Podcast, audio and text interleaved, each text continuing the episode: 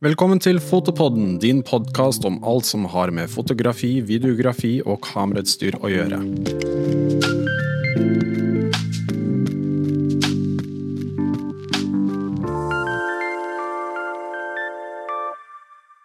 Vi er alle så heldige at den legendariske Roger Deakings har startet en podkast som vi alle anbefaler å sjekke ut. Den heter Team Deakings, og i første episode snakker de om hvordan han startet, hvordan man kommer seg inn i bransjen, hvordan man lykkes, hvordan man får seg en jobb, osv. Og, og idet jeg trodde den legendariske Roger Deakins skulle gi sitt fasitsvar, vi alle søker etter hvordan man lykkes, så sa han enkelt og greit bare jeg vet ikke, det er ikke noe fasit, alle veier er forskjellige, alle må finne ut av det selv.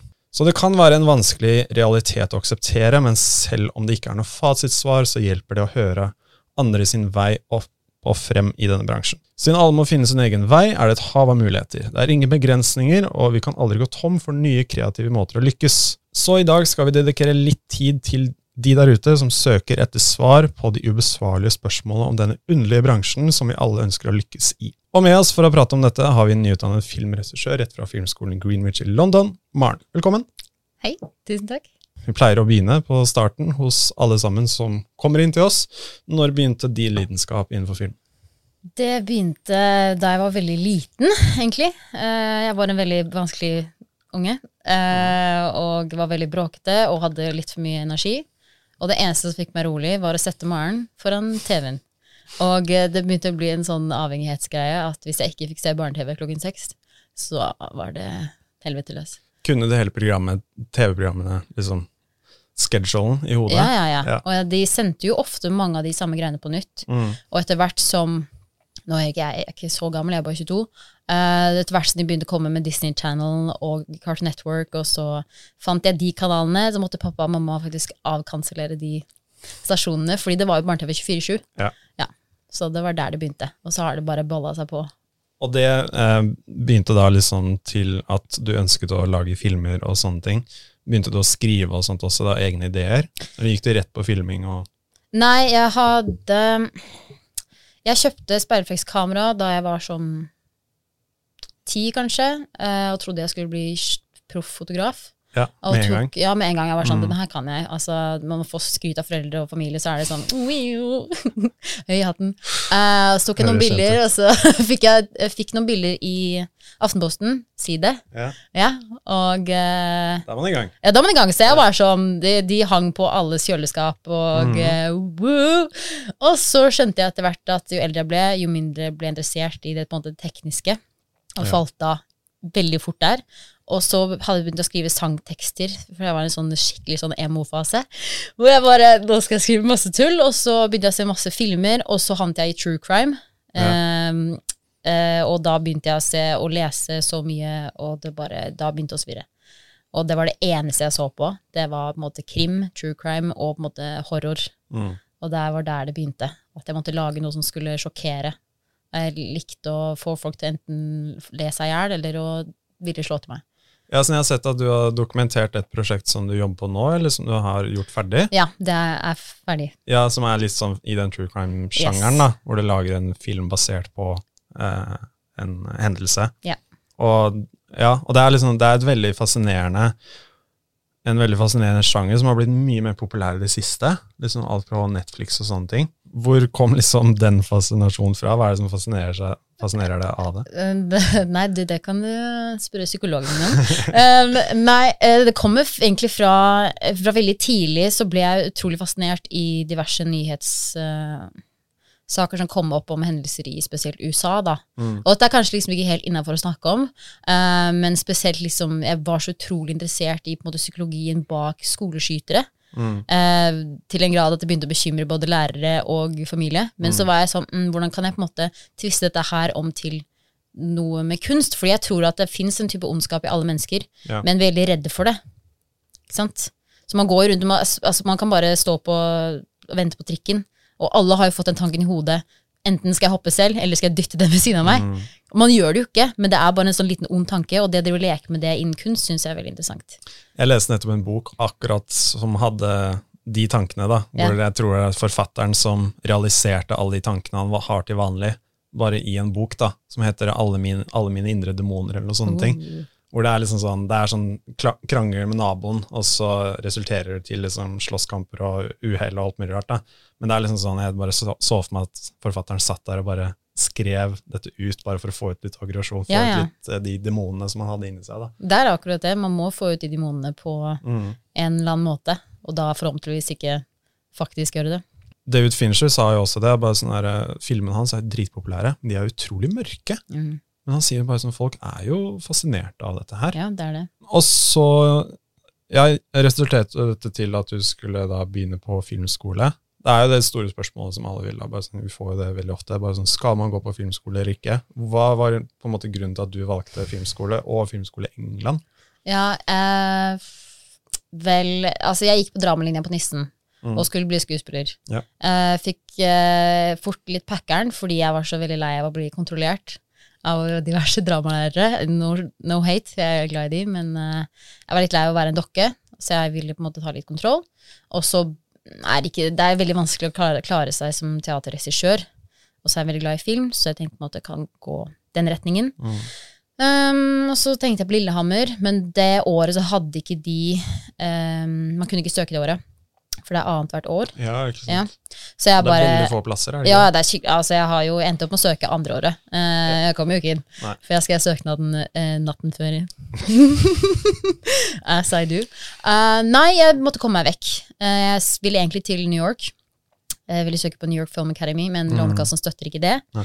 Så da ble det University of Greenwich, som ligger i sørøst eh, i London. Mm. Eh, jeg ville egentlig gå der fordi der hadde de filmet veldig mange filmer. De hadde filmet, uh, Det har vært hovedlocation for Pirates of the Caribbean, uh, for eh, den Thor-filmen, Mm. eh, hvor de knuser skolen min. Mm. Og den, eh, altså det er et veldig veldig kjent filmlocation, akkurat eh, skolen min.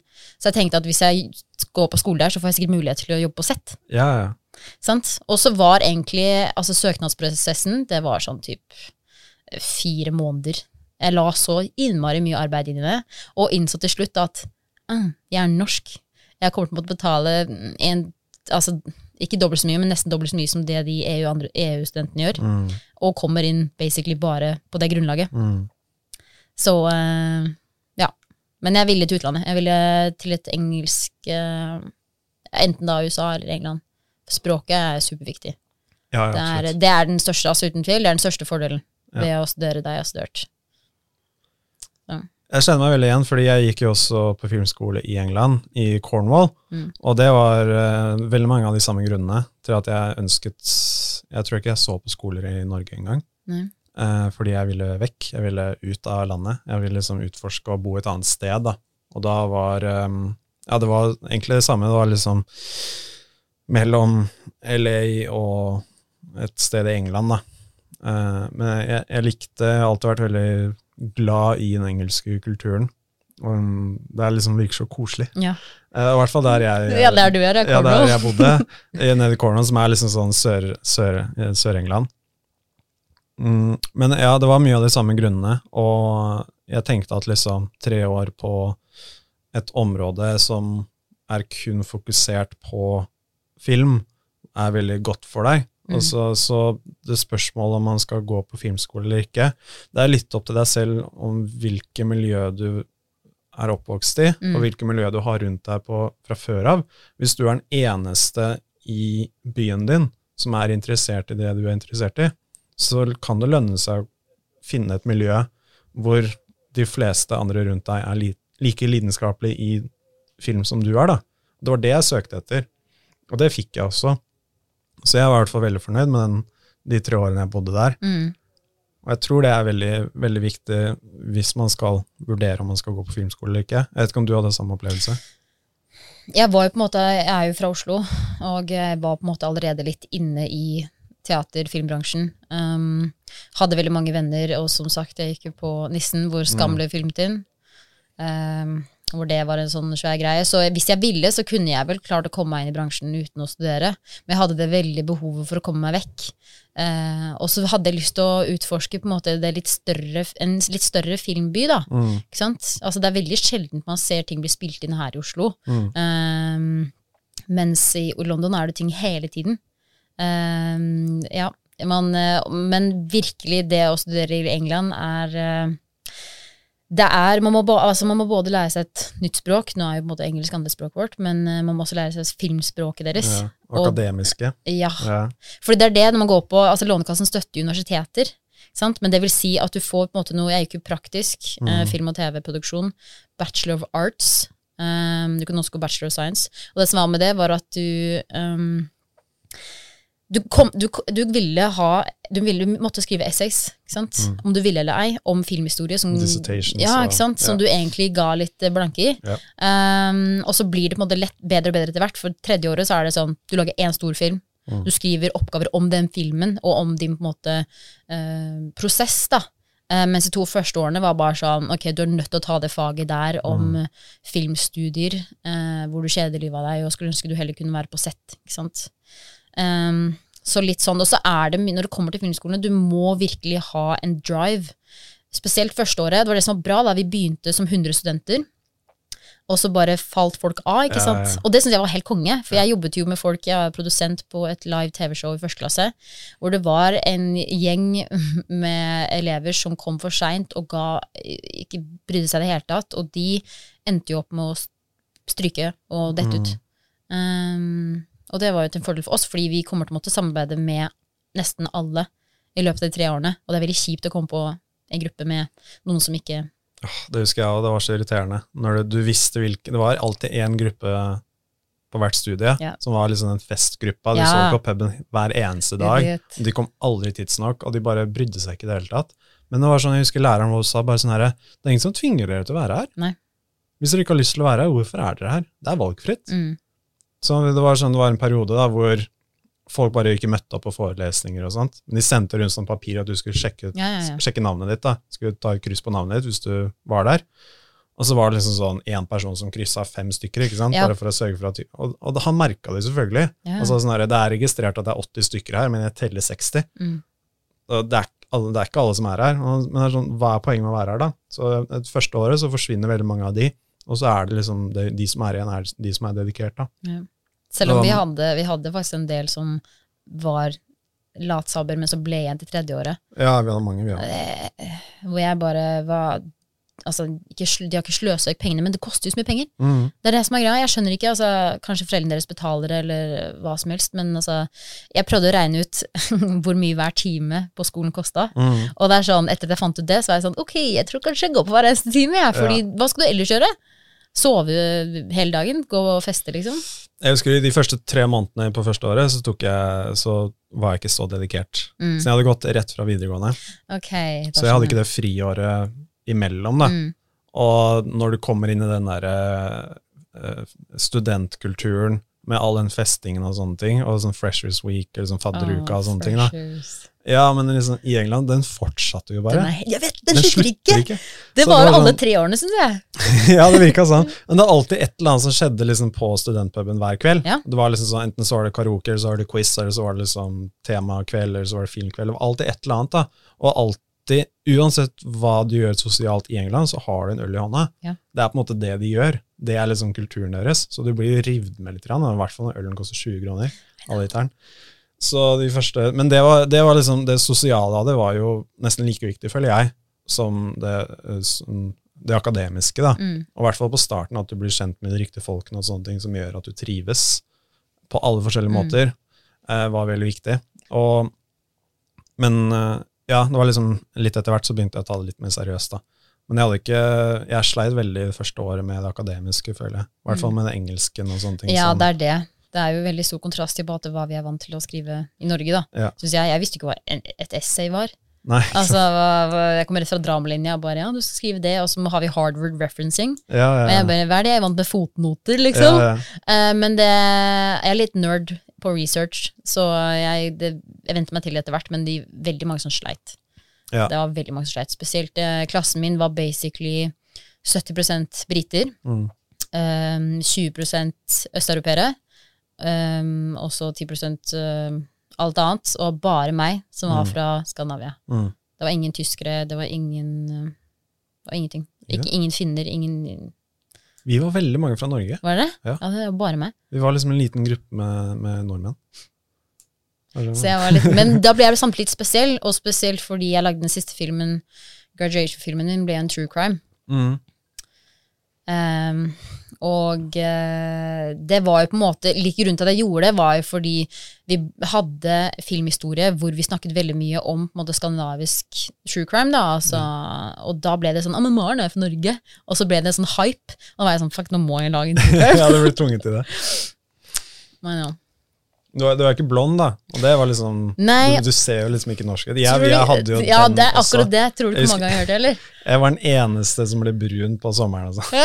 Det var veldig gøy. Nei, det var det første Jeg skiftet meg ut med en gang. Jo, det gjorde det. Ja. Gud. Det første jeg hørte da jeg flytta til London, jeg flyttet inn i sånn student accommodation, Ja. og så var det han eh, som var sånn dørvakt der, han bare Oh, where in China are you from? Og jeg bare Hva? Og jeg har hørt så mye rart. Jeg har hørt så mye rart.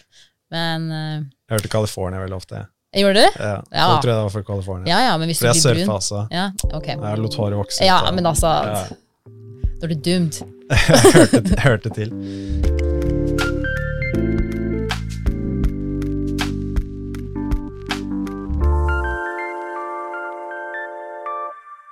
Hvis du skal ta den største forskjellen som jeg føler hvis du skal studere i utlandet og Norge, er jo den tiden etterpå. Ja. Så jeg husker at planen min, som sikkert planen som var, var å fortsette i London, fortsette i England og få en jobb der og sånne ting.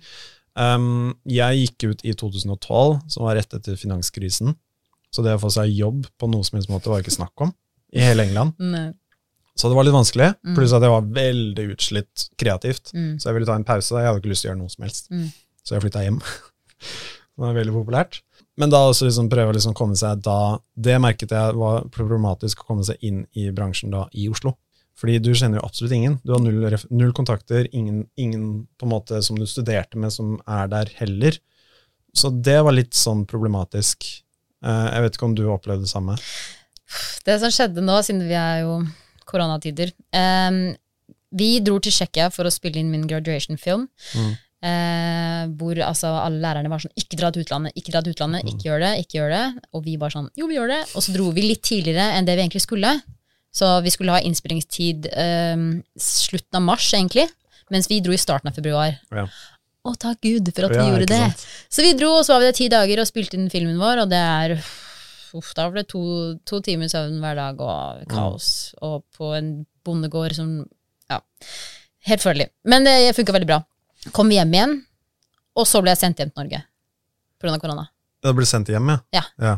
Så øh, jeg skulle egentlig bare hjem på besøk, ja. og så var jeg bare sånn Vent, da. Nå stenger alt, ja. og du er stuck. Og jeg tok med meg en ryggsekk hjem til Norge, så jeg hadde jo alle tingene mine der. Altså, vi snakker liksom alt utstyret mitt av kameraer og sko og altså alt. Jeg la til og med igjen crocsene mine. Det er helt forferdelig. Uh, så jeg var litt sånn å shit, hva søren jeg nå? Og så trodde vi at måte, vi skulle, det skulle gå over etter hvert. Jeg kunne dra tilbake. ja et par eh, uker, kanskje. Ikke Ja. Ikke helt tatt. Så jeg fikk helt panikk og hadde jo ikke jobb. Og tenkte at shit, nå kommer jeg til å måtte begynne å nedbetale studielånet mitt snart. For det stressa mamma meg veldig med. Mm. Så jeg måtte få meg jobb. Og så var jeg sånn, ok, hva skal jeg gjøre? Kan jeg gjøre det jeg har gjort, det jeg har gjort i tre år? Jeg bare sender mail til alle produksjonsselskaper i hele Oslo. Og som vanlig får man jo ikke svar, men så plutselig så ble jeg ringt opp. Ja. Um, og hadde så innmari flaks. Så jeg fikk jobb hos uh, Fantefilm. Som jeg skal begynne med 100 stilling fra 3. august. Gratulerer. Tusen takk. Uh, altså, det var bare Jeg tror altså, han som ansatte meg, hadde Han også studert i utlandet og hadde mye respekt for på en måte de som kommer fra utlandet, og de som har på en måte en grei CV, eh, er hardtarbeidende. Fordi jobb, de jobbene jeg hadde ved siden av som frilanser i London, eh, var eh, ikke bra. Altså, Nei. du jobber da typ ja, 14 timer på sett, og så får du lunsj. Mm. Ikke sant? Og så hadde vi produksjonsselskaper som kom på skolen og var sånn Hei, vi leter etter noen folk som kan jobbe hos oss. Um, det er en 100 %-stilling i um, tre måneder. Um, du får Ja, du får penger til uh, reisen og uh, lunsj på fredager. Ikke sant? Du kan ikke gjøre det når du bor i London, og nå har det kommet flere regler, da, heldigvis. Nå er det ikke lov å jobbe, eller å jobbe som student, uh, sånn sånn i praksis Ja. på, utenbetalt. ja, ja, ja, uten betalt. Eh, heldigvis, men det er ganske ja. Det husker jeg var jo situasjonen for oss også. Du hørte veldig mange sånne historier om folk som jobbet to år uten lønn. Og de måtte jobbe da i bar eller pub på kvelden for å liksom betale husleie og sånne ting. Og de måtte bo langt utafor London Mm. fordi det var det eneste de hadde råd til. og sånne ting, Så kanskje du fikk mulighet til en jobb da etter du var ferdig i praksis. Det blir veldig sånn urettferdig, da, siden da blir det plutselig at de eneste som har den muligheten, da, er de som har råd til det på, fra før av, Mm. får støtte hjemmefra. Er De er de eneste som kan ta på seg de stillingene der. da. Så det ekskluderer jo en enormt mengde med folk også. Um, men det jeg merket etter at jeg kom hjem til Norge, var det som jeg tror sikkert også de fant film la merke til med deg, var at du skiller deg ut av bunken med en gang. Mm. Du ser liksom at du ikke har studert på Westerdal som alle andre. Og det er mye mer interessant. Mm. Da blir du en person som er interessant å få inn Mm. og stille spørsmål til, og det viser også en enorm nivå med dedikasjon. Mm. Det viser at liksom, ja, men dette er ikke, dette er liksom det viser at dette er ikke noe jeg bare gjør for å se om jeg har lyst til å gjøre det. Du studerer liksom ikke tre år i utlandet med mindre du er dedikert. Mm. Så du får på en måte en knagg og liksom Folk har liksom en knagg å henge deg på, og du får liksom også ja, vist at du er veldig dedikert. da. Så det har også jeg lagt merke til. Som jeg har litt det samme tanken at hvis jeg møter noen som har studert i utlandet, så vet jeg at de også er like lidenskapelige da, Ja. som det jeg er. Og da har jeg allerede veldig mye respekt for dem. Og syns det er mer interessant å snakke med dem enn noen som har studert i Oslo. Ja. Så du får liksom det, men det kan være vanskelig på starten. Uh, jeg, det tok et år tror jeg, før jeg fikk en jobb i Oslo, Mm. hvor jeg gikk rundt og jobba på andre ting som ikke hadde noe med film å gjøre. Mm. Så det tok en stund, men når du først er i det, så er jo Norge, og i hvert fall Oslo, er jo knøttlite. Og med en gang du har fått én jobb, så er du på en måte safe, så å si. da. Hvis du viser, fortsetter å vise den dedikasjonen og viser den lidenskapen og viser den arbeidsviljen, så er det sånn pyramide. Én jobb leder til tre til, som leder til ni til, osv. Ja, det er akkurat det. Ja. Det er, en veldig, det er den største forskjellen på jeg synes, England, spesielt London da, og Oslo. Ja. I London er det jo så mange at jeg bare Så du kjenner en, og du, jeg spurte å, kjenner du dem, og de er sånn Hva forventer du, er dette ikke Norge? Nei, er Og så kommer jeg til Norge her, og så plutselig snakker jeg med en. 'Å, det er deg, ja! Ja, Ja. han snakket om deg!' Og jeg var sånn 'Å ja, ok'. Men jeg forventet selv å om, Jeg forventet egentlig at jeg ikke skulle få jobb før om tre år.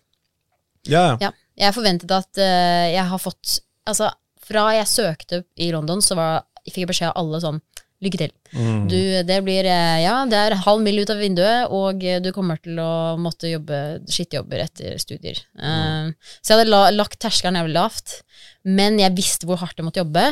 Og jeg visste at jeg måtte, og at jeg hater å si det her, men at jeg måtte være en av gutta. Ja. At jeg måtte måtte manne meg litt opp, da. Mm. Uh, og drite litt i janteloven. Uh, selv om jeg har fått litt jeg har fått litt, eh, Spesielt hvis jeg har vært hos, på intervjuer hvor det har vært en kvinnelig um, arbeidstaker, da. um, så har jeg fått litt sånn ok, du må roe deg litt, Maren. Altså roe deg litt ned. Men så er jeg litt sånn, hvorfor, hvorfor skal jeg roe meg ned? Altså, sånn, de må huske meg, det er det Ja. som er poenget. Og sånn er det med skuespillere også, spesielt skuespillere. Men man glemmer det litt, at man også som med å jobbe bak kamera, med mindre man er lyd. Da er man bare puttet i en boks, da er man en litt Ja. stille. Men eh, man må bli huska. Det er kjempeviktig. Og, ar og arbeidsvilje og på en måte stå på, og det å gjøre det lille ekstra som folk ikke spør om. Mm. Det er kjempeviktig. Men også passe litt på, for jeg har også fått, jeg har vært på sett hvor jeg har gjort litt for mye enn det jeg egentlig skulle, og så har noen vært sånn, det er ikke din. ja, jeg skjønner.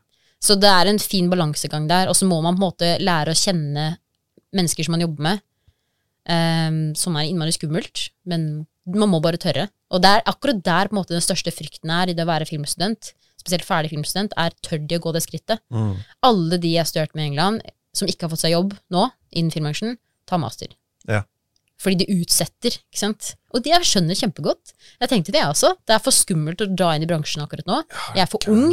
Spesielt de der, de fra England. De, altså, de er jo ett år yngre enn oss. Ja, ja, når de begynner, ja. Ja, Så jeg begynte jo på universitetet med 17-åringer, Ja. som er helt uh, i russetiden, ikke sant. ja, ja. uh, nei, uff. Og det var jo spesielt det du snakket om i sted, om det, altså at alkoholen er så billig. De har en sånn pubkultur, da, fordi altså, det er små leiligheter, de møter seg møter på puben. Vi tok jo med lærere på puben. Yeah. Det var jo der vi hadde, hadde alle premierer, og der vi diskuterte film. Og det ble en sånn litt sånn dum greie at man bare klarte å være kreativ hvis man drakk. Yeah. Og jeg sluttet å drikke etter andre klasse, fordi jeg merket at det gikk for langt. Og da falt jeg ut ekstremt sosialt. Men jeg var jo så produktiv. Og fikk jo så sykt mange jobber utenfor skolen. Mm. Mens de som fortsatte med den festgreia, de bare gjorde det de, det de absolutt måtte, og det var det.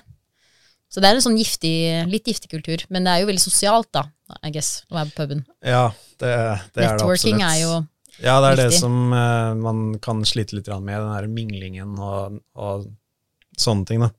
Så det er veldig ofte at det er jo ikke alltid de mest talentfulle som får jobbene. Det er jo de som kjenner, kjenner de riktige folkene, mm, som jeg har opplevd et par ganger på jobbintervjuer.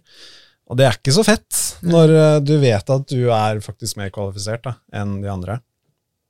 Men jeg likte det du sa med tanke på liksom, janteloven og sånne ting. Det at liksom, du er nødt til Det er jævlig kleint å skryte om seg selv, men man, er nødt, man er nødt til å gjøre det på jobbintervjuer og sånne ting. Fordi det er på en måte det man leter etter når yeah. man sitter på den andre sida rundt. Du vil liksom ha noen som, eh, som, ja, som vet at de er flinke, men også klarer å bevise det, klarer å vise det frem, klarer å liksom si det. Og det er litt vanskelig noen ganger å liksom putte det inn i showreel og sånne ting. Du må liksom, møte, du må liksom se det i personen òg. ja, Og i hvert fall når man skal ansette noen unge, så ser man det med tanke på lidenskap. Mm. Om dette er en person som har mye lidenskap, som kommer til å gå langt, som du vet kommer til å utvikle seg de årene de er hos deg. Det er veldig viktig. Så hvis du klarer å vise det, så Mm. du klarte jo du. Så det gikk jo sikkert greit. Jeg fortsatt eh, våkner opp hver morgen og er sånn uh, Er det her sant? Jeg har sagt til, jeg har sagt til jeg har blitt ansatte jeg var sånn, altså, er du helt sikker? De er sånn, mm. ja. Jeg bare, hvorfor det? Det er ikke noe skrivefeil. Nei, fordi jeg, men jeg har jo fått beskjed at liksom, det er ikke bare, altså jeg må virkelig stå på. Ja, ja, ja. Og det, det er jeg fullt forberedt på. Så jeg, Du må være forberedt på at sosiallivet ditt forsvinner de tre neste årene. det har allerede forsvunnet, skal jeg si. Du er vant til det allerede. Ja, jeg er dritt av det. Nei, Jeg snakket med en kollega om det, så med en gang du får en fulltidsjobb, så får du da plutselig veldig liten tid, og alle de tingene som ikke har noe med jobb å gjøre, går plutselig ut av vinduet. da. Mm, Og da er det sånn, på en periode så begynner folk å spørre deg om vi vil være med ut og sånne ting, mm. og så etter hvert så bare slutter du å bli spurt, fordi du sier alltid nei. Ja, men det er det som er greia. Og det er det som også kanskje er litt fint, fordi jeg har vært i London nå i tre år. Ja. Fått meg en vennegjeng der. Og på en måte mistet vennegjengen i Norge. Mm. Og så dro jeg tilbake til Norge, mistet vennegjengen i London. Så har jeg ingenting. Ja. Så jeg har masse tid til uh, jobb. Men det som er positivt med filmbransjen, er at det er veldig sosialt. Ja, jeg vet. Og det er jo de veld... menneskene jeg vil menge meg med. Ja, ja. Ikke de videregående Du blir kjempegodt kjent med folk. ja, Kanskje litt for kjent, Ja. har jeg hørt. Ja, det kan bli en liten boble. Ja. Det kan det.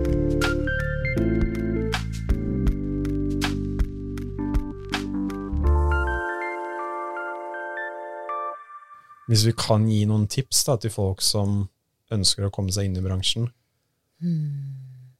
Altså Tipset som jeg vil gi, som jeg også har fått fra diverse regissører som er eh, Som jeg har kontakter med, som jeg bare har spurt hva er hvilke tips gir du?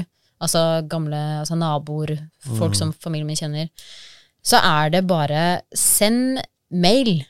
Og det høres ut som det det er det dummeste forslaget, fordi jeg gjorde det i tre år og fikk ikke noe svar. Mm. Og, eh, men det er bare det, måte, det å plass, plassere navnet ditt i noens minne. Og lag, dette, høres, dette er skikkelig nerdete, men lag et Excel-ark hvor du skriver ned hvem du har kontaktet, Mm. når du kontaktet de, når fikk du svar, eventuelt ikke svar. Og hvis, de, hvis det har gått mer enn tre måneder at de ikke har svart, send en oppfølgermail. 'Hei, jeg sendte deg en mail for tre måneder tilbake.' Ja, ja. Eh, bla, bla, bla, bla, bla. Fordi etter hvert så blir du så irriterende at de kommer til å svare deg. Ikke sant? Eller at de bare banner deg. Altså, sånn, man vet jo aldri, men de ser hvis du er dedikert. Hvis du sender én mail, så er det sånn, ja, det er jo ganske mange. Men hvis du fortsetter å på en måte holde det gående, for det er lett å på en måte Ja, jeg svarer dem senere, ikke sant. Mm. Så det å på en måte lage et Excel-ark er genialt. Og print det ut, heng det på veggen din ved siden av kalenderen din, og så vet du på en måte, ok, shit, jeg må gjøre det her i dag. Ja. Og det, er, og det sitter sånn hver gang jeg skal søke eller har søkt jobb, sitter det sånn klump i magen. Fordi det er eh, redd for å bli rejecta. Det er jo ja, det man er, er. ja. Spesielt når man på en måte driter i den janteloven og prøver å være seg selv 100 og så får man en sånn nei. Ikke sant? Det gjør jo kjempevondt, og det gjør at man ikke har lyst til å søke noe mer. Ja. Men du må bare. Ja. Du må bli så vant til å gjøre det at det blir som å, det samme som å på en måte dra på trening. Ikke sant? Når man gjør det flere ganger, så blir man vant til det, og så blir det en sånn greie. Og til slutt så får du kanskje ett svar. Kanskje noen som sier 'nei, jeg har ikke noe ledig akkurat nå', men du kan kontakte en venn av meg som er produsent. Ikke sant? Mm. Og så søk på prosjekter som holder på nå. Altså søk etter filmprosjekter eller reklamer eller hva som helst. um, som skal ha produksjon de neste månedene. For de trenger gjerne folk. Mm. Og si at Og dette er det dummeste, fordi jeg gjorde en feil. Uh, fordi på CV-en min På CV-en min så står det regissør, og det er jo liksom Da jeg var på intervju, så var det sånn Ikke skriv det, med mindre du er en fulltidsbetalt regissør. Ja, ja. Og jeg ble så flau at jeg trodde jeg skulle dømme. Um, det jeg fikk tips om, var egentlig bare å si at du har erfaring som Skaff deg erfaring som løper. Mm. Eller prodas, altså produksjonsassistent. Eller bare sikkerhets... eh, Sånn derre um, grensevakt, holdt jeg å si. Sånn, eh, altså, begynn der. Begynn i det, i det små, og så på en måte si at ja, jeg kan hjelpe til. Ikke sant? Og ja, kanskje får du en jobber hvor du hjelper til, aka du får ikke så mye betalt. Men i Norge er de ganske strenge på at du skal få betalt, og det er supert. Så prøv å, bli, prøv å bli løpegutt eller løpejente i Norge, og så bare Bygg deg en CV, og når du sender CV-er til produksjonsselskaper, send både en kreativ CV og en vanlig CV. Og det var det, det lærte jeg, at, Ja, okay. fordi jeg sendte bare min kreative CV. Og det er liksom, prøv å sørge for at den ser fin ut. Eh, si at hvis dine favorittfarger er svart og oransje, så sørger du for at den er svart og oransje. Men at den er oversiktlig, ikke for mye tekst. Eh, bilde av deg som kan være litt kreativt, og så har du en CV som er alle jobbene du har gjort. For det produksjonsselskaper er opptatt av, er jo også at du har gjort vanlige jobber. At du har jobbet bakeri, at du yeah. har jobbet i butikken, at du har gått med avisen siden du var tolv. Eh, det var for det på Fantefilm at de sa til meg at oi, du har jobbet siden du var 12-13 år gammel. Ja, ja, ja. Det viser at du har den dedikasjonen. Og det er sånn, når Hvis jeg en dag får barn, og de er interessert i å jobbe i film, så skal jeg tvinge dem til å gå ut med søpla eller vaske hus fra de er 12 år gamle. For det å ha arbeidserfaring er så lønnsomt. Ja, fordi de fire-fem første årene, Mm. hvis du skal jobbe som prodias i hvert fall, så gjør du null som har noe med det kreative å gjøre. Yeah. Du gjør alt de praktiske tingene, sånn yep. som å bære ut av varebiler og sette opp lys og eh, hente lunsj og lage kaffe. Du, Mm. du gjør ikke noe som har med film å gjøre i det hele tatt. Du får være på et filmsett, yep. og du får noen ganger liksom Du får, ganger, du får ikke ta på kamera engang, men noen ganger så får du liksom være med dem og stille spørsmål og sånne ting. Mm. Men det har uh, null med film å gjøre den første tida. Mm. Men det er, den, den kontorarbeid eh, jobben er dritviktig. Ja, ja. At, for det er jo det jeg har jobbet som de siste gangene på sett nå. At du bare er der, Mm. og bare vær til stede og vær, vær blid. Og vær, ha energi. Hvis du ser at en eller annen går litt sånn er sliten, så er det sånn 'halla', og så Ja, husk navnet til folk. Mm. Og navn er så viktig, men det er så vanskelig å huske. Men husk navn, eh, og få deg lappen. For jeg har ikke lappen, lappen. Jeg har ikke viktig. lappen, og det er det Det angrer jeg så sykt på, men nå er jeg i ja, jeg, du havner på. øverst på lista med en gang hvis du har det. jeg vet det. Og det er sånn, det jeg husker de gangene jeg jobba som prodas, hvis du klarer å svare på spørsmål før de blir stilt, Ja. så blir du favoritten med en gang. Fordi det var, jeg husker jeg var på en innspilling, da var det meg og to andre prodaser, og det var eh, mye liksom dødtid da, når det faktisk var når innspillingen var i gang, så var det Mm. mye dødtid, du skulle være stille og sånne ting. Da satt jo alle på mobilen sin, så det var ingen som hadde øyekontakt med regissøren eller kameramannen eller sånne ting når de faktisk sluttet tagningen. Det var ingen som fulgte med på hva som skjedde. Men hvis du bare sånn står i hjørnet av rommet og bare er klar og ser at ok, du ser at kameramannen ikke er helt happy med hvordan lyset er satt, da. Så med en gang de, tryk, de liksom sier kutt, så beveger du deg mot lyset, som du ser han liksom er ikke helt fornøyd. Mm. Så skjønner du at det skal flyttes litt, da. Og hvis du er på en måte den personen som svarer på spørsmål før det blir stilt, og skjønner greia, så er du velkommen tilbake igjen. Fordi eh, prodaser som gjør det, de er veldig ettertraktet. Og da plutselig blir du en person som de ikke klarer å leve, seg, leve med Mm. uten. da. De gjør, altså, du gjør livet deres lettere. Ja, Og det er det de vil ha. Men ikke det- sitte mobilen, liksom. Nei, nei, og det er den eneste jobben din. Du skal gjøre jobben til de over deg lettere. Mm. That's it. Hvis du klarer det, så kommer du deg fort opp og frem. Og plutselig så blir du lysassistent, plutselig så blir du liksom kameraassistent og Mm. sånne ting. Og plutselig så har du ansvar for klapperen. Alle de forskjellige tingene Mm. der. Og det tar ikke lang tid hvis du er dedikert. Det tar bare et par måneder, så er det opp, opp og opp og opp, da. Men det du snakket om også, det med at det er også viktig det med tanke på at du søker på én jobb, og så refererer de deg til noen andre. Mm. Det skjer veldig ofte. Det det. Og de, det er noen ganger at altså Det er ikke alle jobber som blir lyst ut, som blir søkt ut. Men hvis du søker på da en jobb og drar på jobben og tenker sånn Nei, men dette er jeg egentlig ikke kvalifisert til, eller denne er jeg egentlig ikke liksom så gira på.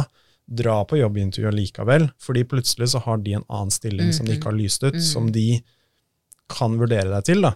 Og det har skjedd med meg to-tre ganger, hvor jeg dro på jobbintervju til en jobb, og så sa de etterpå at mm, vi har funnet en som passer til denne jobben, men vi har en annen stilling som vi ser for meg ser for at du kan passe til. da.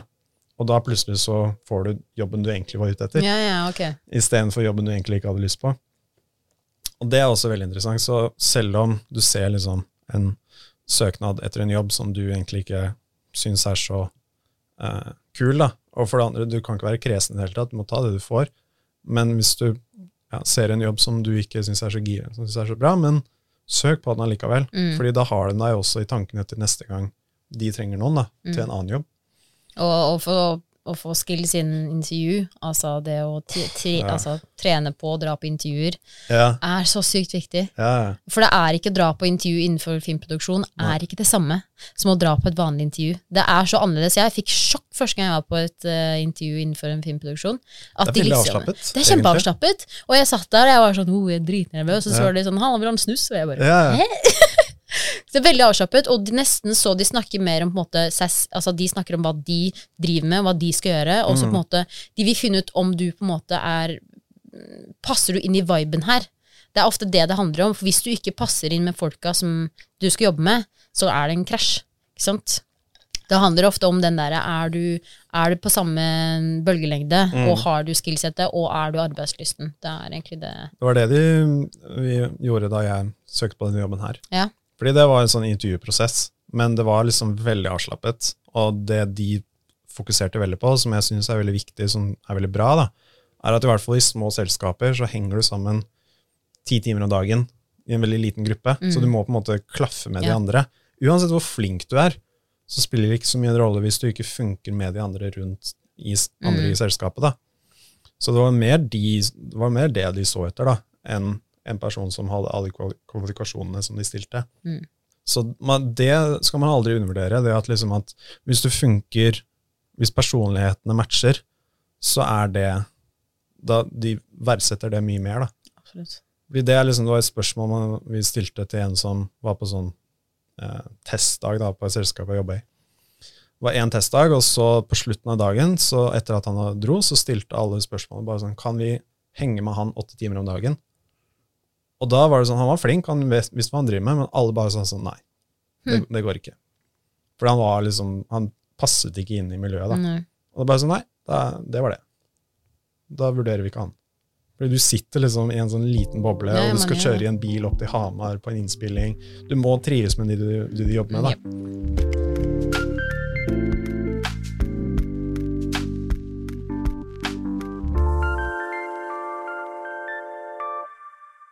En ting som jeg har lyst til å snakke om, er den der myten om at si filmregissører kun gjør kinofilmer.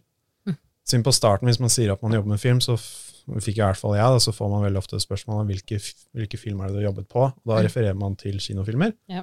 Siden de fleste tror at det er det eneste som er Det er enten det eller NRK. Ja. Det er fordi folk ikke kjenner til det. vet du. Hæ? Det er fordi folk ikke kjenner til det. Nei, det er det. Altså, Alle snakker som fetteren min på tolv år. Ja. 'Å, når er det filmen din kommer på kino?' Ja.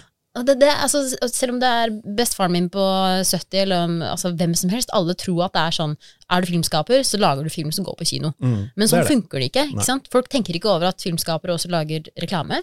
Og på en måte, og så mye kommersielt, ikke sant. For det, i London jobbet ikke, jeg jobbet ikke et, med et eneste filmprosjekt, altså sånn kinoprosjekt. Nei. Det var bare kommersielle ting. Det var, eh, Skulle dekke noen rikinger på en golfdagen, ikke sant. Altså Mm. sånne ting. Du gjør så mye ræl på starten. Når man eh, først kommer inn i det. Men da er det liksom sånn Det var da jeg innså da at eh, hvor mye dokumentasjon som trengs av eventer, av arrangementer, av foredrag, Mm. av liksom intern videoopplæring, Mm. alle de forskjellige plattformene der, da. Som aldri liksom havner på noe liksom TV-kanal eller i noen film eller sånne ting. Men det er et enormt marked der. Ja. Som er egentlig 9-5-jobben for de fleste filmregissører også. Eh, men det er liksom bare filmene på kino som det meste er kjent for, som er anerkjent for. Men alle har liksom sin 9-5, da. Mm. Og det er liksom en sånn ting man må innse veldig med en gang. Det er at det er et enormt marked der som ikke, har, ikke er noe sånn særlig kreativt, egentlig. Som er vel litt sånn kjedelig, men Ja. du, er liksom, du kan det tekniske, og du vet litt hva du driver med bak et kamera, Mm. og da får du liksom sånn type jobber, da. Men det er det som betaler husleia. ja, det er akkurat det. Fordi det er det som måtte, er det litt mer stabile. Ja. Uh, jeg var ikke sånn kjempegira da jeg fikk beskjed om at nå skal du være tolv timer på en konferanse hvor du skal være, skulle være løper slash fotograf. Jeg var sånn mm, Ok, men det fikk jeg betalt for. Ja. Ikke sant? Det var de andre innspillingsgreiene som jeg ikke fikk betalt for. Ikke sant? Så det er eh, veldig forståelig, spesielt med jeg hadde jobbet med ett produksjonsselskap i London hvor bitte lite, det var fire gutter. Eh, og regissøren der, han var sånn, han tok alt. Mm. Altså alt han fikk tilbud om. Selv om det var det mest kjedelige han, han kunne tenke seg, så er det sånn Du får navnet ditt på det, ikke sant? Ja. Og selv om du, du ikke bryr deg om at du skal filme en konferanse for uh, hudkrem, og han bryr seg ikke om hudkrem, så er det de som har leid inn deg, snakker med noen andre, og så blir du ansatt av dem, og så Det er en sånn Altså, det er snakking, ikke sant? Ja. Og det er det man er på det avhengig av som I hvert fall i starten, da. Hvis målet er å lage eh, kinofilm, eller features, eller kortfilmer som går på festivaler, eller hva enn det er, så må du gjøre litt den Du må, du må gjøre litt den drittjobben før Ja. du kommer deg opp dit. Ikke sant? Fordi da kan du plutselig liksom spare opp penger til å ta deg to måneder fri for å lage et manus, for å skrive en søknad, for å liksom skaffe finansiering, for å gjøre alle de tingene der. da. Og da har du også bygd opp litt utstyrsbank også, som du liksom kan bruke til å lage disse produksjonene. Så det liksom, alt henger i hop og sånne ting, men det er lang tid før noen faktisk bryr seg om hva du har lyst til å lage, dessverre. No. Fram til det punktet så må du liksom bare eh, jobbe litt i gjørma. Men det er også sånn man har, man har enormt mye respekt for folk som har gjort det, som har jobbet like hardt som alle andre. Du har, det, er liksom, det er litt irriterende når du på en måte Hvis det er en filmregissør som liksom bare havnet på øverste lista, havnet øverst i rangstigen med en gang, Mm. og ikke jobbet seg opp, så blir det sånn Du blir litt sånn irritert. Ja, det er jo en norsk gutt nå, han er vel på min alder, han er Mm. 23, som nå får en Netflix-film, Ja, ikke altså en grøsser. Og jeg var sånn Hæ? Ja, Hvordan, hva? Og så han har studert i USA, og nettopp kommet ut av eh, college der, jeg er sånn, hvordan? Og så får du en Netflix-film. mm, En, en, og ikke bare en sånn der kjedelig, altså ikke en sånn der amerikansk komedie, men en, en ordentlig grøsser. ja. Blir litt irritert. Ja, jeg blir provosert. Ja, ja. Jeg blir sånn, er det fordi han er gutt? Nei da, men det- så er det sånn, å skal gjøre research, er det fordi faren hans er rik, eller er det ikke sant? Ja. Man blir veldig nysgjerrig. For det er jo veldig få regissører spesielt som er unge. Altså Det var jo liksom et sjokk da eh, Damien Giselle, du Mm. ikke, La La Land Han var jo veldig ung Mm. da han eh, gjorde det bra. Whiplash. Ja. Ja. Whiplash og La La Land. Ja. Eh, og hadde jo bare Whiplash, som var en stor film før La La Land, og så kom First Man, ikke sant. Ja. Og det var jo sånn Oi, er jo, altså, han er såpass ung, så det er derfor det har på en måte vært veldig beroligende for meg, da. Da jeg var ferdig med, med universitetet. Det var sånn ah, jeg er bare 22, jeg kan bare chille, ikke sant. Ja.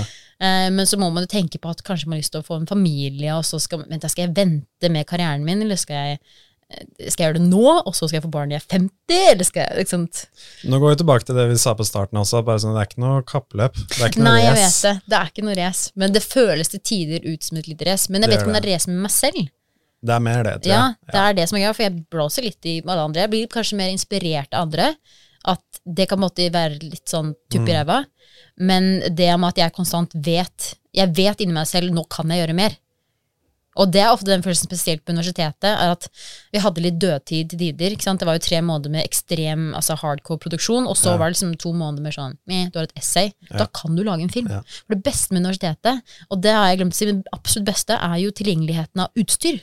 Altså, vi hadde jo en kamera, altså utstyrskjeller, som, hvor det var liksom, hadde noen rana det stedet, så hadde det blitt Ja. milliardærer.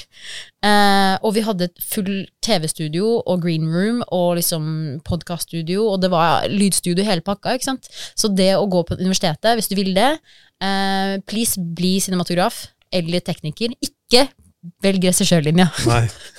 Fordi det jeg har lært det, Jeg har jo lært mye ved å ha mye samtaler med regissører på skolen, men jeg har jo betalt for Ja. motivasjon. Ja. Det er det jeg har gjort. Jeg har betalt for å få en tupp i ræva. Ja. Alt jeg har lært, vet jeg egentlig. Ja. Eller kan jeg lese på nettet? Du kjøper en masterclass-abonnementet. Ja. Ja. Det har vært så fristende, det er det verste. Jeg sitter der bare mm, 'Dette var ganske interessant.' Og sier sånn 'Maren, du må betale regningen din for universitetet. 120 000 kroner', Ja. liksom. Det koster litt over 1000 kroner i året, masterclass-greiene. Ja. Ja. Uff. Men hvis du vil jobbe med altså kamerautstyr, Ja, og hvis du på en måte har den Hvis du finner en liten gruppe i starten av universitetet som, hvor du har en på foto, en på lyd, en regissør, en manus, eller hva det er Hvis du er en gruppe på fire-fem stykker, Mm. bare altså, lag så mye du kan. Ja, ja. Og det er sånn, det, sier, det sa jeg mens jeg jobbet med altså mens jeg var på skolen, at jeg prøvde å lage så mye som jeg kunne. Jeg, første filmen jeg laget på skolen, da tok jeg med en gruppe med briter til Norge på vinteren, og filmet på bokstavene. Mm. Fikk en, en skuespiller til å kravle over bokstavene eh, i baris. Lagde en norsk thriller. Eh, filmen gikk i dass, så å si. Ja, det var ikke noe bra, men det var jo kongegøy å ta med utstyr som kosta jo eh, 250 000 kroner. Bare fløy det med Ryanair over til Norge og fikk filma. Jeg hadde aldri fått det utstyret tilgjengelig hvis jeg ikke hadde gått på skolen. Nei. Så hvis du, har, hvis du vil gå på skolen, gå på universitetet. Prøv å finne en bra gjeng fra starten av, og da må du bryte janteloven. Det var det Ja. første jeg gjorde på dag én på skolen. var bare sånn, Jeg searcha rommet, og så var jeg sånn Ok, hvem er det som er nerds her? Du ser ut som lydmann, og så snakk med han, og snakk med dem. Og hvis det er noen som begynner å snakke om sånn oh, Do you want to go to the pub later? Og så er jeg Ja. sånn Nei. Nei. Ok, neste. ikke sant? Du må bare, du må skanne rommet, eh, prøve å bli kjent med så mange som mulig, få folk flest til å huske deg Altså huske deg og, s- eh, hva du gjør, da, hva du kan og ikke kan. ja, ja. Det er på en måte mitt tips. Nå ble jeg veldig engasjert. Jeg skulle nesten ønske at jeg kunne gjøre det alt Hvis jeg, hvis jeg, at jeg kunne på en måte eh, hoppe tilbake i tid og begynne i første klasse igjen, så hadde jeg gjort ganske mye annerledes. Jeg Ja. hadde jobbet mye mer. Og, men det er det man kommer til å si. Det er det alle kommer til å si. Det er det man alltid sier, men det er liksom sånn, nå er du ja, litt eldre kanskje også, liksom sitter litt mer med den erfaringen. Det er liksom, arbeidsmoralen vokser jo også over Ja, tid. Det er det. Um, men det, han, det, det som jeg også lærte, var det jeg skulle, hvis jeg skulle gå tilbake til tid, så hadde jeg gjort mye mer feil under studietiden. Ja. Så jeg tok alt så seriøst. Okay. Og jeg tenkte sånn, det Karakterer er liksom det, det, det liksom største som kan skje med deg, om du får en dårlig karakter eller positiv, bra karakter. Mm. Det er liksom på en måte risikoen du tar da, Ja. når du gjør ting. Men Så det var veldig ofte at jeg safa en del, og ikke lagde så mange filmer, kanskje, fordi du var Mm. liksom redd for at det ikke skulle gå bra. og sånne Ja, ja. ting da. Men så finner du ut at bare sånn, det har null um, det, liksom, det, det skjer ingenting hvis du driter deg ut. Absolutt ingenting. Det er litt kleint, fordi den vises på storskjermen Ja, det er litt skolen, kleint, liksom. men det er liksom det. Du mister ikke noe jobb. Nei, Det, ikke det, det. er ingen som har betalt deg for å gjøre dette her. Så det, er liksom ikke noe sånn, det er det som er konsekvensen når du går ut i liksom, arbeidslivet. Da. Det er liksom, der er det alvorlige konsekvenser Mm. hvis du ikke møter opp, og hvis du ikke gjør jobben din og sånne ting. Hvis du ikke når deadlines. Det er liksom det verste. Men når du studerer, så har du Du betaler jo for at du kan gjøre feil i tre år, og teste ting og gjøre risikoer uten noen konsekvenser. Mm. Og så bare se hva som funker, og se hva som ikke funker. Og da sitter du med den erfaringen og liksom med de feilene og sånne ting. Og det er liksom sånn det man virkelig kan gjøre da, på et universitet. Det kan du ikke gjøre når du skal ut i jobb. Hvis du gjør en feil da, så Uff. Ja, Bare det minste feil, liksom, og så er det ut. ja det, liksom, det skal så lite til, ja, da. det skal det. Um, og der er liksom Ryktet ditt er alt, Mm. spesielt i en liten bransje. Så hvis du har rykte på deg at du er en person som kommer for seint og gjør feil, og gjør feil, gjentagende feil, Mm. gjør den samme feilen flere ganger, så vil du ikke være attraktiv i arbeidsmiljøet. Dessverre. Det er liksom sånn, det er bare litt kjipt, da, men hvis du på universitetet så kan du gjøre det. Prøv å gjøre så mye, jeg er helt enig, prøv å gjøre så mye feil som overhodet mulig. Ja. Og tør å ta sjanser.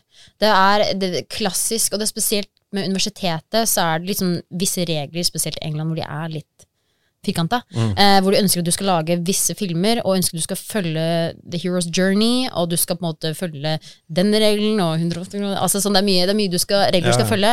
Og eh, jeg strøk jo min første, eh, mitt første essay. Nei, det var ikke essay. Jeg, jeg strøk mitt første, mitt første manus.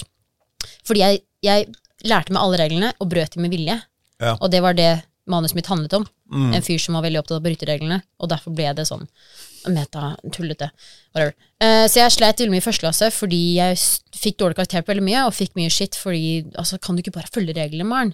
Og så var jeg sånn «Nei, Vi klarer det ikke. Nei, fordi jeg syns alle de andre filmene ble så veldig kjedelige. Og ikke da at mine filmer ble noe bra, men det i hvert fall turte. Mm. Og så andre året så, så skulle vi lage noe innovativt. Og da var jeg sånn, ok, hva kan jeg finne på nå? Og så lagde jeg en film som heter Life of Richard, som var point of view fra penis.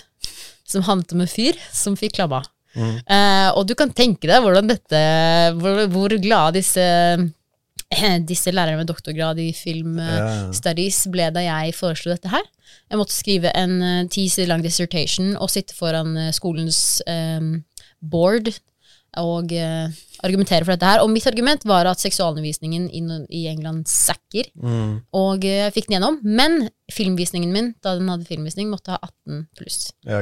Men jeg hadde ikke noe nudity whatsoever. Nei. Da bare med liksom visuelle hint og liksom lyder og sånn, så Ja, det er litt gøy, da. Ja, det det, er innovativt. Ja, men det satt lista så innmari høyt. Ja, ja. Så dette var jo andreklassefilmen min, hvor jeg var så Og da gikk eh, janteloven Altså, da brøt jeg den for mye. Da var jeg så kjepphøy. Og alle var sånn Wow, ikke sant, og du har gjort det og det. Og så var det sånn Å, nå forventer vi sykt mye for neste film. Ja. Og så hadde jeg det presset på meg, hvor jeg var sånn Ok, nå må jeg gjøre alt. Nå må jeg toppe den, ikke sant. Så jeg sitter nå med, selv om jeg er fornøyd med karakterene mine og sitter med en bachelorgrad, så sitter jeg og tenker sånn liksom, Jeg skulle ikke pressa meg selv så hardt mot slutten. Nei.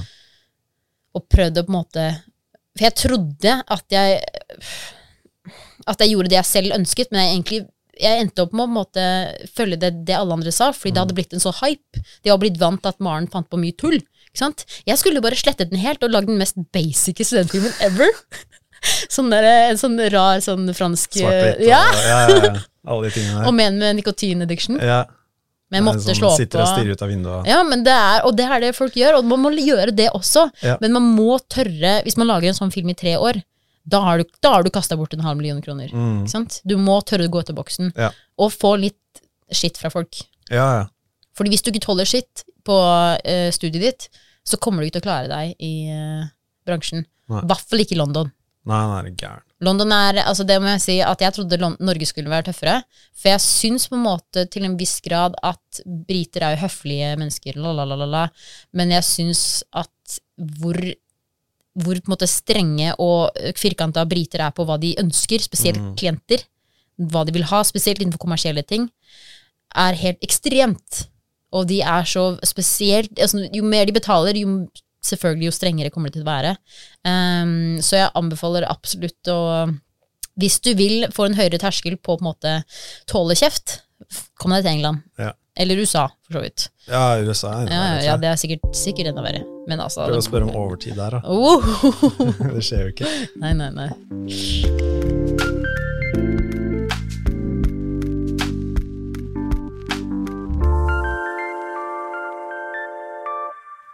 Jeg har um, gått gjennom et par sånne lister, altså sånne råd og myter videre på internettet, som jeg tenkte vi kunne gå gjennom, så jeg har skrevet ut en sånn liten liste på et par forskjellige punkter, som er sånn harde realiteter, fakta videre. Mm. Og første tipset som, jeg, som vi har, er, som jeg egentlig så du gjorde med tanke på filmen din, var at du dokumenterer reisen din, dokumenterer tankeprosessen din, Mm. som er en mye mer liksom Jeg føler er mye mer verdt enn en showreel, da, for eksempel. I hvert fall for regissører og sånne ting. Ja. Så nå viser du på en måte hvor mye forberedelser du putter i prosjektene dine. Uh, putter det svart på hvitt, og du putter det video og sånne ting. Og folk får et første- førsteinntrykk av deg. De får lært hvem du er før du liksom møter opp på intervju eller sånne ting. da. Så det er veldig, veldig bra, og det syns jeg flere folk skal begynne å gjøre. Og det å liksom putte seg selv foran kamera også. Det er kleint, jeg veit det. I know, men det er veldig viktig da, å lære seg litt hvordan man gjør det. Mm. Men det å sørge for å ha, hvis du lager kortfilm, sørg for å ha en som tar behind the scenes eh, Ja, ja, ja. altså footage og bilder, og prøv å få en person som, på foto da, som kan stille deg spørsmål i pauser. For det som er spesielt med sånn regissør, jeg merket hvor utrolig isolerende det var å være regissør på et filmsett. Mm. Spesielt når alle andre er sånn de har det banter, ikke sant? de bare går rundt og har det gøy Mm. uh, i pausene, mens jeg går rundt og tenker på shit, hva skal jeg gjøre neste? Og, Ja, er- stresser og stress, jeg stresser hele tiden. Og så er det noen skuespillere som skal klage over ditt, og så er de kalde, og så har vi ikke en løper nok til det, og så Veldig isolerende å være regissør på sett, og Ja. jeg fant ut etterpå at det er jo ingen bilder av meg behind the scenes, fordi jeg gikk og gjemte meg. Ja. Ikke sant? Og så, så det, bare skriv ned. Så jeg hadde en type dagbok, da. Hvor jeg skrev ned på en måte hvordan var dagen i dag. Ja. Og hva gikk bra, og hva gikk ikke bra. Ikke sant? Ja, og så er det også en ting som vi lærte, som det var noen diskusjoner på litt frem og tilbake når han, produsenten sa dette her da, men han sa at gjennomføringsevne er ofte viktigere enn en god idé. som er egentlig ganske sant. I Mm. hvert fall når det kommer til Ok, alle kan komme på gode ideer og sånne ting, men du må innenfor Hvis du skal søke på prosjekter innen, hvis du skal søke på et filmprosjekt, finansiering, Mm. så må du vise at du faktisk klarer å gjennomføre Ja. prosjektet også, på en veldig profesjonell måte. Og det er ofte viktigere enn en veldig god idé. Ja. Å vise liksom at jeg vet hva jeg driver med, for å få dette her gjort. da. Og det sa han, altså, Det var noen som var uenige, og noen som var enige, men for han så var det veldig viktig. Jeg tror jeg er enig i det. Eh, fordi når det kommer til måte, å få en idé De fleste gode ideer som jeg har plukket opp, har skjedd på puben. England, Ja. Hvor folk bare sier sånn sant? Og så sier jeg "Mm, kan jeg stjele den ideen, så er det Ja. sånn ja, whatever. Men det å faktisk gå gjennom en produksjon altså, er helt, Og fortsatt, vanlige mennesker som ser film på kino og ikke vet noe mer om behind the scenes, de veit jo ikke hvor mye som er bak en film. Ja. Hvor mye innsats og hvor mye penger. Og dårlige filmer også. Gode Ja, filmer og dårlige ja, ja, ja, ja. filmer. Alt- Det er like vanskelig. Og alt er jo en Altså Det er derfor det er litt vanskelig når man lager film, er at ok, eh, resultatet ble ikke som du ønsket. Det er det eneste dine altså, familie, venner, foreldre får se, da. Og tenker sånn oh, 'Dette var jo ikke så bra'. Nei. Men du sitter og tenker, vet alt du har lært, Ja. og det er viktig å huske det. Det er sykt viktig å huske på en måte alt det du har vært gjennom. Jeg er faktisk enig. Ja. Ja. Og så er det en ting som jeg syns er veldig viktig, som du påpeke litt, var um, gi komplimenter til folk. Hvis du ser en film, eller sånne ting, send melding til regissøren, Mm. send melding til dem og komplimenter dem på at dette er veldig bra arbeid. Fordi mesteparten av oss får kun feedback på hva som kan bli gjort bedre. Ja. Det er liksom det vi vanligvis får. Det er veldig sjelden at vi får liksom de positive tingene rundt en film. Så hvis du ser et eller annet, hvis du er på en eh, kortfilmvisning eller whatever, send melding til regissøren og si at dette var utrolig bra arbeid. Selv om det er bare en YouTube-video og sånne ting. Folk setter så utrolig mye mer pris på skryt, og det Mm. betyr så mye mer enn man tror. Mm. Det er veldig, veldig viktig, syns jeg. Var det én ting som jeg fant ut, som jeg fikk bekreftet av folk også, da, da jeg begynte å jobbe der? Jeg begynte å jobbe litt i NRK. Mm. Og jeg trodde at alle visste hva de drev med. Alle hadde liksom full erfaring og ante nøyaktig alt om De visste alt om alt. Mm. Og i hvert fall i NRK. Så da jeg kom inn der, så hadde jeg den tanken om at alle her vet nøyaktig hva de driver med. Gjør vi ikke så- Nei, så kom jeg inn der, så var det alle de samme spørsmålene. Alle de samme Alle tvilte på det samme. Hele tiden så var det liksom diskusjoner om dette er den riktige veien å gå. Hva tenker du om dette? Hva syns du om denne klippen? Hva syns du om den ideen? Skal vi Mm. gjøre dette? Det var alle de samme usikkerhetene som man sitter med som en filmstudent, var også i NRK. Men det har litt med tanke på det at liksom du alltid prøver å pushe deg selv hele tiden. Så det er liksom alltid den der greia med at um, folk sitter med den um, hva heter det, imposter syndrome. Mm. Det at du liksom føler at når er det folk skal finne ut at jeg ikke Ja. er kvalifisert til dette her. Alle har det fordi du konstant prøver å pushe deg selv til et nytt nivå, liksom et steg videre. da. Og da er du i en område med usikkerhet hele tiden. Ja, men. Men alle er det, selv om de jobbet i bransjen i 30 år, så er de fortsatt på det stadiet. Og det er liksom en sånn ting som er litt interessant, det at ingen vet egentlig helt hva de driver med. Så hvis du føler det samme, så er du ikke alene om det. Nei. Og det er veldig viktig for folk å, å skjønne. Men jeg også tenker at de, de som har vært i, vært i bransjen i 30 år, de må også være litt skremt. For det er jo så utrolig mange nye forskjellige altså nye måter Mm. med kamera og teknologi og altså sosiale medier og nå, altså alt det der TikTok-opplegget. Nå er plutselig tiktokere og youtubere er jo nå filmskapere. Ja, Sant? Og de må jo også være skremt, for de er jo redde for de som, kommer, de som er nyutdanna. Som kommer og er liksom par og 20 og er sånn 'Halla, vi vet om dette nye her, dere er utdatert'. Mm. ikke sant? Så det er på en måte det å være litt, som vi snakket om i sted, å være litt uh, humble. av Mm. det å på en måte dele erfaring og stille spørsmål.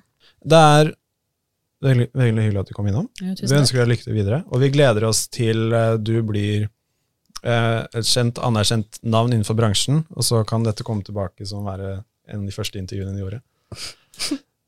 Tusen hjertelig takk. Så veldig hyggelig. Eh, og så har vi jo snakket om mye rart her, det har vært litt mye frem og tilbake, men hvis dere har noe dere lurer på, hvis dere trenger noe råd, hvis dere trenger noen tips, eh, noen spørsmål, hva som helst, skriv i kommentarfeltet, ta kontakt på Instagrammen vår, eh, så svarer vi det der, og så ses vi i neste episode.